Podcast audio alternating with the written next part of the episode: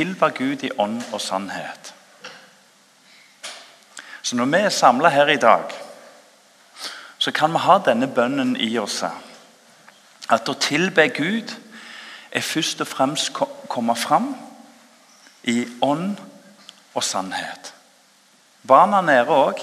Vi jager ikke etter perfekte søndagsskolelærere, men vi jager etter ledere som kan være sprukne lærkar, og som jeg synes jeg hørte noe veldig fint tidligere i dag, som kan sette merke i barna.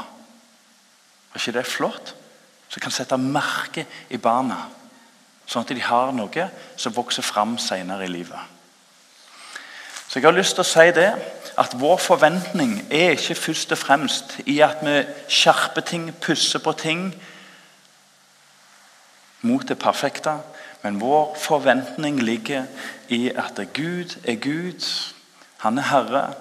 Og Guds ord er et levende Guds ord som gjør mirakler, og som gjør under, og som skaper nye ting i mitt og ditt liv.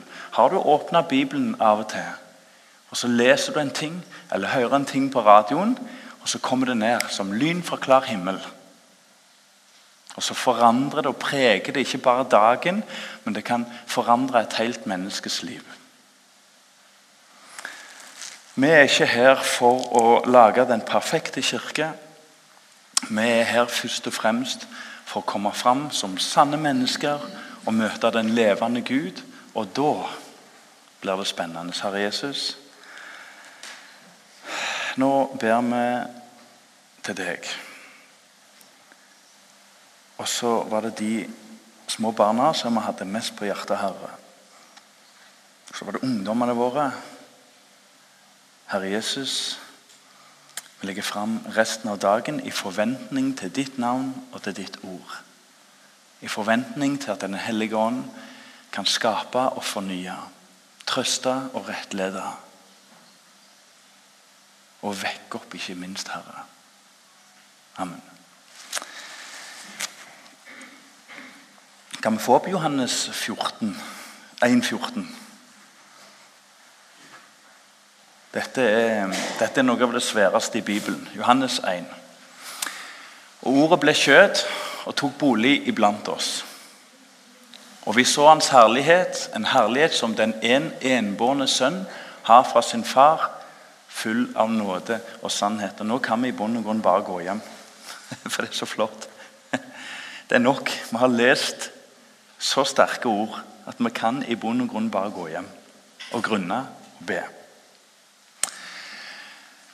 Nåde og sannhet er tema for denne våren.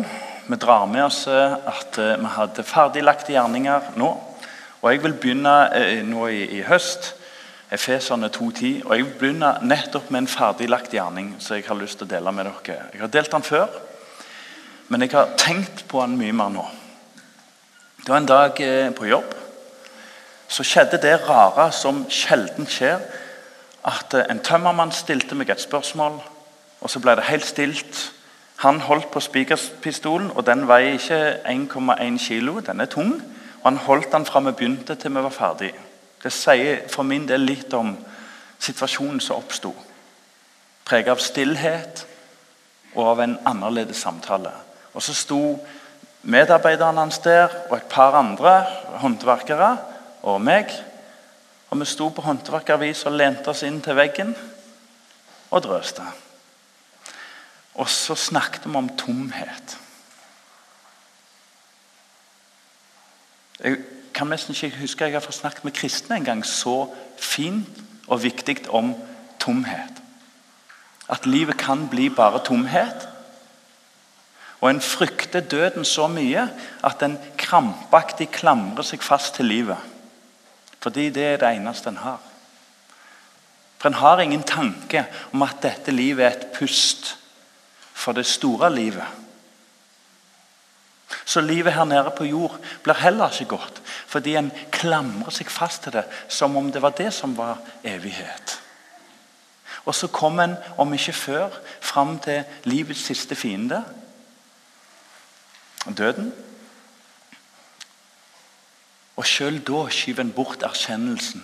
Alt er tomhet. Det går an. Å fornekte realiteten. Disse ting fikk vi snakket om. Så var det en utrolig fin kar. En ungdom. Midt i den samtalen så bryter han inn. 'Jeg har gått på bibelskole', sier han. Jeg syns det var så fint, altså. For det første så var det helt i periferien. Det var ingen som snakket om bibelskole. Men flagget gikk så til topps at det sang i flaggstanga. Smukk gikk flagget opp. Han halte det han kunne. Og jeg så en veldig lettelse på denne gutten. Jeg har gått på bibelskole, altså. Og Gud, han Hvis ikke steinene taler, hvis ikke vi taler, så skal steinene tale. Og det kom til et punkt Nå har jeg sjansen. Jeg tror det var sånn. Jeg skal ikke påstå det. Han fikk heist flagg. Han fikk synliggjort hvem han var. Nå har jeg tenkt på det en stund, og jeg tror den gutten har båret på en voldsom smerte. Jeg tror han var i slutten av sin læretid. Og Da har han gått der altså i to år og hørt på banning og tomhet. Og en krampaktig klamring til livet. Og gutten, som var yngre og uvis, var den vise iblant de blinde. Men det gjorde så vondt å gå med en evangelisk mindreverdighetskompleks. En sånn privatisering som det kom ingenting godt ut av. Og jeg kjenner meg så veldig igjen.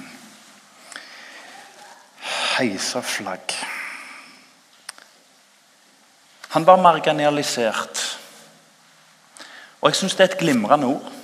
For kristendommen satt i margen hans. Jeg opplevde det som en sann kristen. Men så var det òg marginalisert på den viset, sånn som vi kjenner uttrykket. At kristendommen på jobben for hans ble et ørlite notat i margen. Kjenner vi oss igjen? Peter snakket om ham. Han som var en glimrende fisker og en håpløs menneskefisker. Er det noen som kjenner seg igjen? En glimrende gollegger, syns jeg av og til, i noen små øyeblikk. Men en håpløs menneskefisker. Noen som kjenner seg igjen? Det har skjedd noe med Norge. Det har skjedd noe i ettervekkelsens tid. Jeg har lyst om du blir med meg, få se på to sannheter. Det ene er sannheten om oss kristne i dag. Marita kom, nei, Siren kommer til å komme mer inn på det senere i en tale. Men jeg ønsker ikke at vi blir en menighet, en forsamling, som først og fremst blir hoderystende til hva som skjer i Norge. Og så blir det sannheten om Norge, og ikke sannheten om oss. Da er sannhet og nåde bortkasta for oss. Sannheten om oss kristne i dag. og Det er en side ved sannheten jeg vil ta opp. Men først vil jeg snakke litt om sannheten om nåden. Det står jo i teksten vår at Jesus var full av to ting. Han hadde ikke litt av det. Han drev ikke og vekta og justerte, men han gikk inn i et hvilken som helst møte med en hvilken som helst person med den samme fullheten av to ting. Sannhet og nåde. Du og jeg tror jeg må erkjenne at vi ligger og vekter, og i beste fall har noe av en av dem. Altfor ofte. Ja. Kjempeflink på sannhet, og nåden, den dør. Eller motsatt. Eh, sannhet og nåde. Hvis vi henger bitte litt med, så vil jeg stille et spørsmål. Er det sånn at sannheten er her, og så er nåden der? Er det det Johannes er opptatt av her? Når han skal gi en kortfatta karakteristikk av Jesus? Er det det? Sannhet var han full av, og nåde var han fullhet. Jeg har oppdaga en ting, tror jeg. Og jeg tror det må være disse brillene, får jeg tro denne ånden. Jeg tror det handler vel så mye ikke bare om sannhet for seg sjøl, men sannheten om nåden. For sannhet har det vært på jord fra første dag av. Ja, før første dag. Det står jo at evangeliet eh, eh, at, at, at, loven er lagt ned i alle menneskers hjerte, står der. Så sannhet har det alltid vært. En erkjennelse av sannhet, en forståelse av rett og galt. Selv blant hedninger er det en forståelse av rett og galt. Du kan ikke bare gjøre det, altså. Selv om de rareste ondeste ting foregår. Men det er denne nåden som er nyheten. Å forstå nåden. I dag er det enormt press på nettopp nåden. Nå er det eh, en kamp om en ny eh, viks, altså liturgi. Vigselsliturgi i Norge. Eh, den pågår akkurat nå. Det har vi sikkert fått med oss. Og Det er litt spennende, fordi at eh, når vi blir gift, så får vi beskjed fra f.eks. presten at, eh, at rette ektefolk. At den er rette ektefolk. Det er sånn det skal være. Det er ganske heftig, det som blir sagt. For konkludert dette er sånn Gud har tenkt at det skal være om ekteskapet. Nå er det store krefter i Norge, mange mennesker, som kjemper for at det er ikke sånn det var som var rett. Det er noe annet òg som er rett, og like rett. Og Da sier Kirka noe som etter mitt syn kolliderer grassat med første Korinterbrev. Eh, eh, den teksten kommer opp litt senere. Eh, nei, andre Korinterbrev kapittel 5. Der at du kan ikke blande hedenskap og kristendom og forene de, det går ikke. Du kan ikke blande Belieb eller hva det heter, og, og, og, og, Kristus. Det går ikke, det. Så da har vi altså en kirkelig situasjon i Norge som sier at eh, noen står på det klassiske synet om mann og kvinne.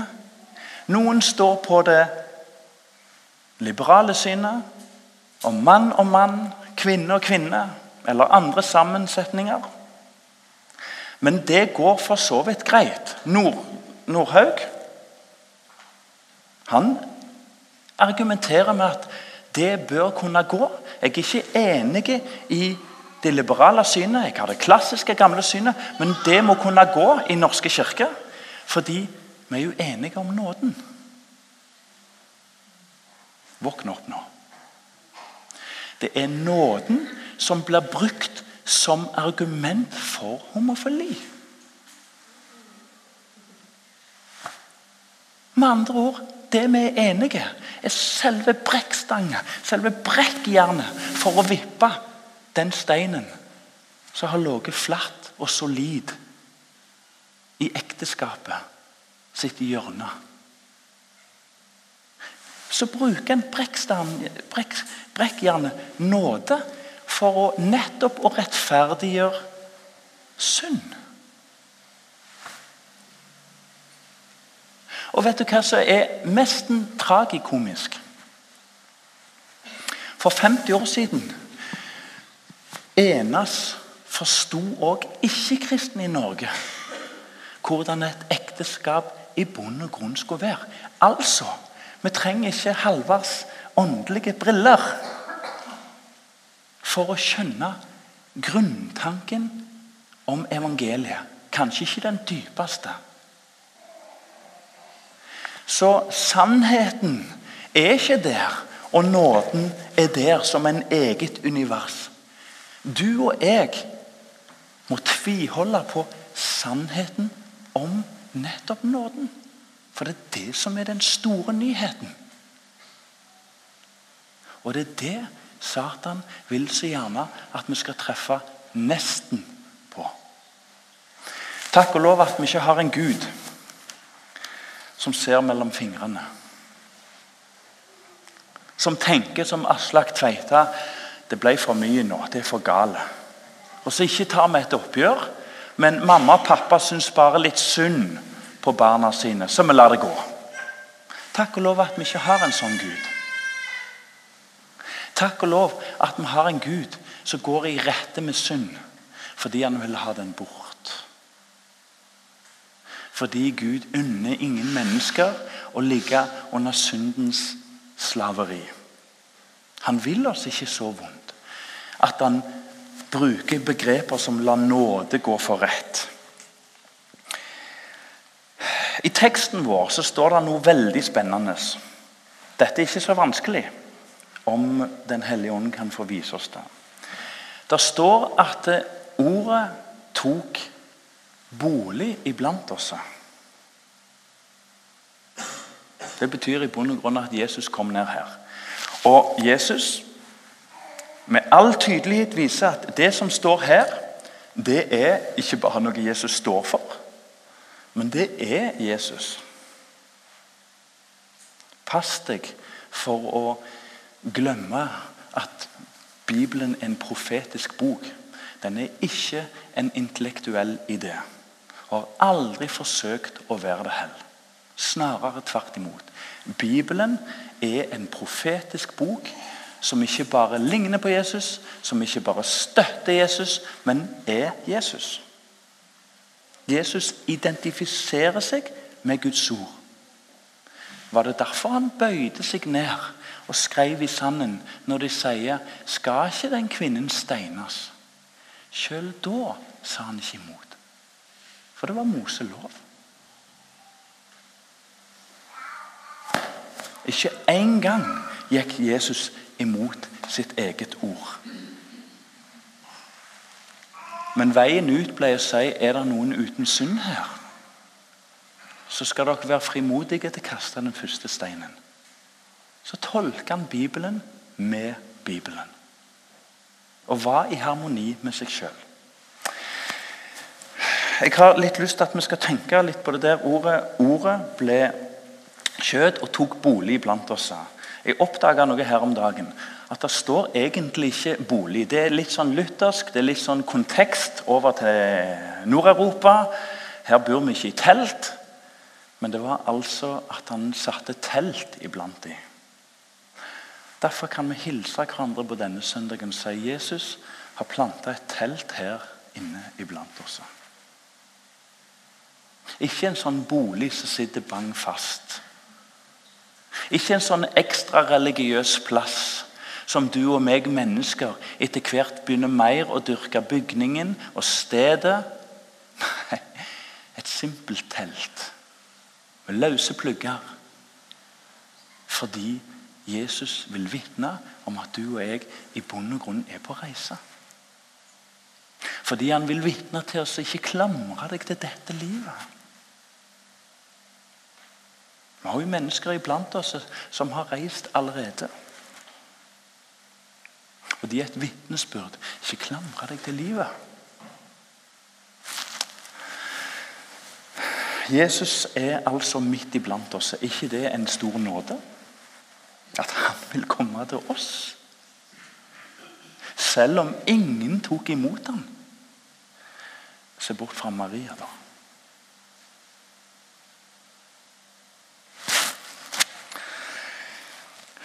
Ja Så når du og jeg leter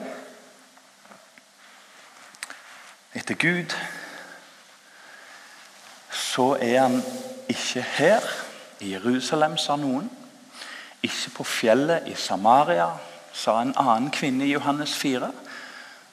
Midt iblant oss. Det er bare Gud som gjør sånt.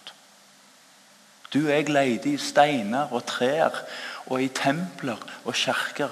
Men Gud kommer til jord midt iblant oss. I et telt. Og da oppdager vi at i den I den eh, biten der så, eh, Da vil jeg dele med dere Hvis vi kan få eh, andre kor fem. Vi har bare to bibelvers i dag. Jeg så noen største av det, men det er altså bare to bibelvers.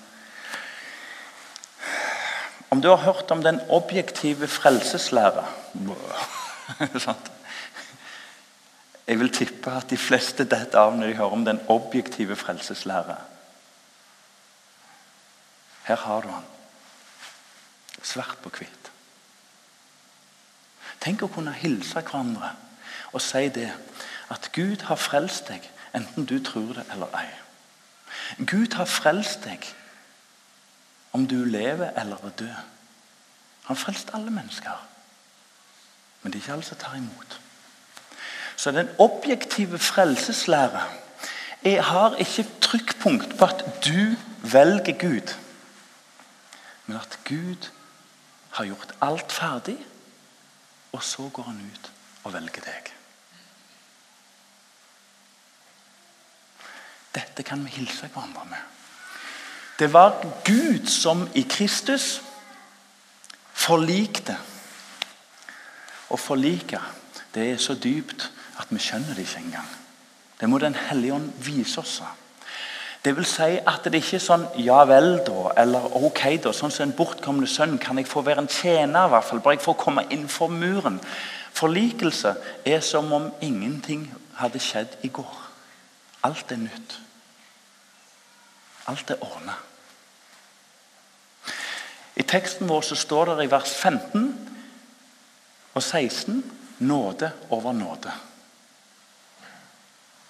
Sannheten om nåden er at nåden er ikke noe som en gang skjedde, men den er ny hver dag.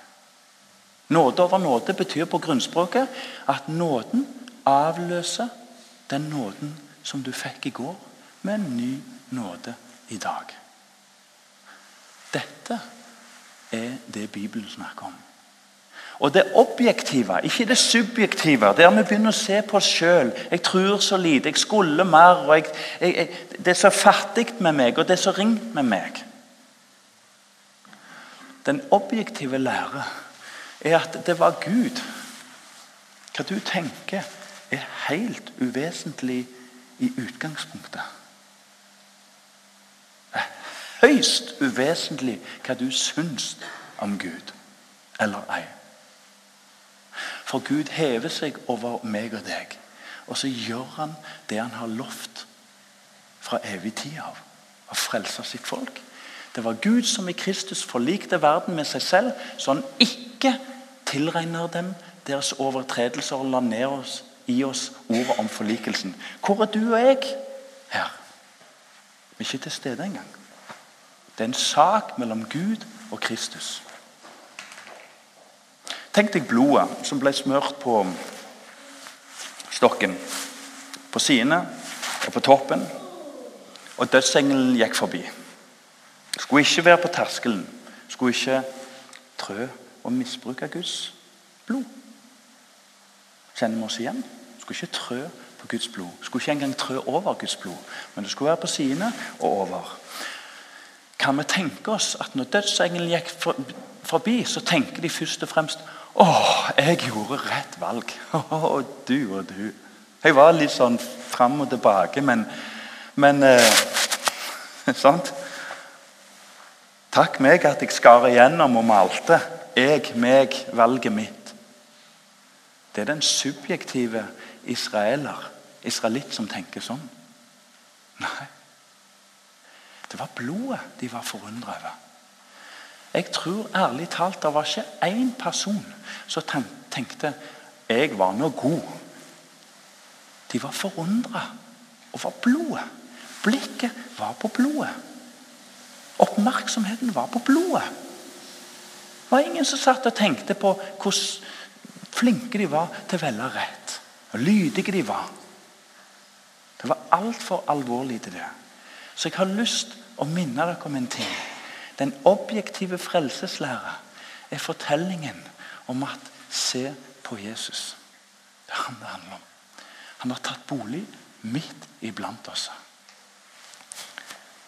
La oss ta litt om sannheten om oss kristne i dag. Hva er den store ulykken i Norge i dag?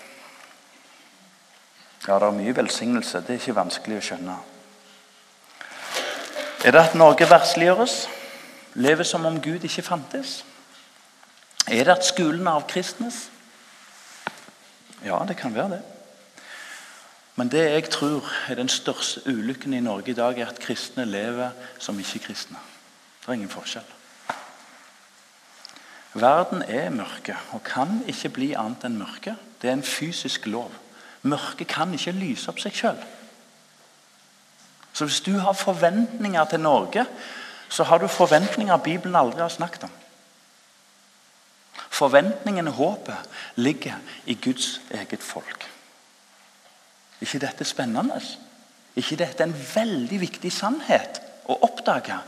At det er ikke La oss ikke gå inn i en sånn offerrolle som stort sett rister på hodet over alt som er så gale rundt oss. I Norge har vi ikke sett hva som er gale engang. Det er ingenting. Vi har ikke sett hedenskapen skikkelig. Vi har korsets tegn. Det ligger over Norge ennå. Vi har bare sett en liten begynnelse. La oss ikke gå inn i en offerrolle og kjenne en form for meningsfullthet over at det, når vi bare deler hvor fælt ting er, så liksom legger ting seg på plass. Og så samles flokken over hvor forferdelig alt er blitt. Tenk hva Paulus levde med. Tenk hva han så når han kom til Aten. Sorry, Sakis og co. Tenk hva han så. Og så sitter vi her og offe over alt som er blitt så forferdelig. Men det som er forferdelig, er et umyndig kristenfolk uten evangelisk frimodighet. Som tenker at den største ulykken med muslimer er at de tar ytringsfriheten fra oss. Jeg mener det. Hvis de overtar nå, så får vi ikke si noe her. Sorry for min flåsithet. Er ytringsfriheten vår dypeste skatt som vi må tviholde på? Hvor ble evangeliet av? Hvor ble sannheten om nåden? Det er jo den vi skal verne. Og Det er ikke én muslim som har satt press på sannheten om den i Norge, som jeg har møtt. Men materialismen og alle ismene spiser oss sakte, men sikkert fra dag til dag. Kampen og sannheten i dag står om oss i fokus. Klepps framtid. Noen vil tenke at dette her er vanvidd. Men Klepps framtid ligger i fokus sine hender. For vi vet ikke hva de andre gjør. Og Hvis vi strammer det enda mer til Klepps framtid ligger i din families hender. Eller der det egentlig plasseres. Du har ikke råderett over din ektefelle, kjæreste eller venn. Gud har kun deg. Det er det eneste vi vet. Sannheten om Norge er sannheten om et kristenfolk som har beveget seg langt inn i en offerrolle. Og Er det noe som er usmakelig, så er det å møte mennesker som har seg lært seg å overleve som et eneste vandrende offer. Det er på sikt usmakelig og lite vinnende og lite kraftfullt. Jeg hørte litt, hvis jeg kan få lov å ta litt om det. Har jeg fem-ti minutter til, Halvard? Bare så vidt? Ja, dere kjenner meg. Det har vært et angrep i Paris. Charlie Er det Heb Hebedo eller Hebdo eller Jeg detter av. Men det er ikke tilfeldig, altså. Og ondt var det. Av pur ondskap. Så, så, så er det spikra. Men det er egentlig et valg av eh, opplysningens høyborg, Paris. Det var ikke noen som satt liksom ja, det er litt langt til vi tar Paris. Det var ikke sånn. Det var opplysningens høyborg. Og Jeg har lyst til å be oss å tenke bitte litt om du kan være med meg i den, den vandringen. Hva er det som skjedde i Paris for 102 og 250 år siden? Hva var det som skjedde? Jo, vi vet bitte litt. Vi vet at det vokste fram en form for eh, Det vokste fram en form for eh, holdt jeg på å si ja, Undervisning det er ikke til å komme forbi. Men en form for fornuftstenkning. Og Da ble det noen som ble kalt teister. Sånn? Theo, Gud. Og Det var mennesker som så det nødvendig å knytte opplysning eh, En del av det etter hvert er òg eh, eh, læren om naturvitenskap. Knytte det opp mot Bibelen. Sånn at fornuften og Gud faller sammen. Og vet du hva? Mange i Paris ble anklagen for at de var altfor religiøse. De blander liksom Gud inn. Så det ble liksom litt fornuft, og det ble litt Gud. Og Så ble dette miksa sammen. Og så ble kristendommen etter hvert først og fremst en idé. Og Hvis du var sunn og klok og oppegående, så bodde Gud først og fremst i hjernen. Er det den høyre eller venstre? Den der som tenker bevisst. Og ikke så mye i samvittigheten, sånn som han hadde gjort. Og Det som skjer etter hvert, det er at du får en religion i Europa som er veldig opptatt av å har vi hørt det før tilpasse seg. Og Det er der her ulykken lever. Er vi blitt et folk som har tilpasset oss? Kristendommen var helt unik i å tilpasse seg ting. Og Det som er litt rart, det er at rett etter opplysningstida så kommer etter hvert romantikken. Og romantikken den var mer liksom litt lenger ned her. Romantisk. Mer følelser. Men skaden er skjedd. Fordi Europa privatiseres og individualiseres. Hvorfor skal vi stå her og lære om dette? Jo, fordi det vokser fram en forakt mot samfunn, mot store ting. Det er jeg og meg og mitt og min tro. Og høyborgen i tankningen er du kan mene hva du vil. Det er din sak. Jeg vet ikke om noe tristere på jord. Jeg vet ikke om noe tommere, noe mer kraftløst du og jeg har å gi til mennesker som kommer til Norge i dag, som det står i tredje Mosebok at vi skal ta vennlig imot. Om de forblir bli det eller ei, det er en annen sak, men de skal tas i hvert fall vennlig imot. Det er minstestandarden for de troende. Minimumskravet. Hva har vi å gi til de? Bare ikke ta ytringsfriheten, bare ikke ta fra meg retten til å kritisere og retten til å trakke på andre. For den vil jeg ha. Det har gått over stokk og stein. Retten til å omtale og nedbryte andre mennesker.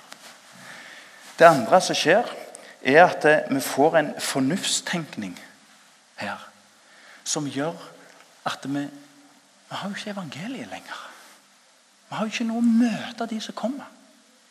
Vi har jo ikke noe å møte naboer. Er det noen som kjenner seg igjen? Det er et forsøk på å vekke opp til tro og styrke og, og, og håp og framtid. Tro det eller ei. Det er det jeg tenker i hvert fall, og håper og ber om.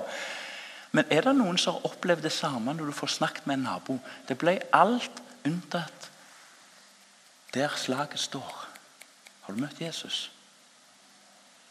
Har du møtt han som gir mening? Han som gjør at jeg tenker framover. Jeg lever her fordi det er noe framover. Alt annet er det plass til. I den individualismen og forakten for fellesskap Det kan du se igjen i amerikanske soldater som var i Irak for noen og 20 år siden. Visste du at det var flere som tok livet av seg selvmord når de kom hjem, enn ute i felten? Inkludert alminnelige uhell. Hvordan går det an? første du og jeg tenker på, det er vel kanskje dette her At eh,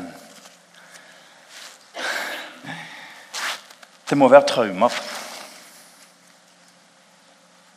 Alt blir meningsfullt når en kommer, meningsløst når en kommer hjem, fordi vi er traumatiserte. Vet du hva som var hovedgrunnen? Det har gjort masse undersøkelser. To ting forsvant i deres liv. Fellesskap og misjon. De fikk noe i Irak der. Og Dette er ikke en forherligelse eller angrep på akkurat om USA gikk til, til det grepet. Det har ingenting med det å gjøre. Må ikke blande barten og snuen her, altså. Men der ute i felten så opplevde de et fellesskap de aldri før i livet hadde hatt. I den vestlige verden. Vet du det? I muslimsk sammenheng så er det nettopp dette fellesskapet som binder de sammen. Som kan bli en trussel mot oss. Ikke fordi at de har det forferdelige fellesskapet, men fordi meg og deg har blitt så personlige at det er ingenting igjen. Det er ikke engang en nabo i mitt og ditt liv. Det er long gone. Opplysningen har fått kjemperøtter på Klepp bedehus. Face it. Den andre tingen var at de fikk en misjon. De hadde et oppdrag. Og når de kommer hjem til USA, hva fikk de der? Forbruk, lev og hold kjeft. Forbruk, lev og hold kjeft. Og det er det Satan så gjerne vil. Han vil strupe oss. Budskapet er 'lev og hold kjeft'. Kan vi få bli en menighet, gode venner? Som ikke først og fremst svømmer i offerrollen, men tenker Gud hadde en plan for et større fellesskap. Det er sant at få er de som går på den veien, men det kan ikke være så få. Det er sant at det er få som går på den smale veien, men jeg har tenkt det kan ikke være så få.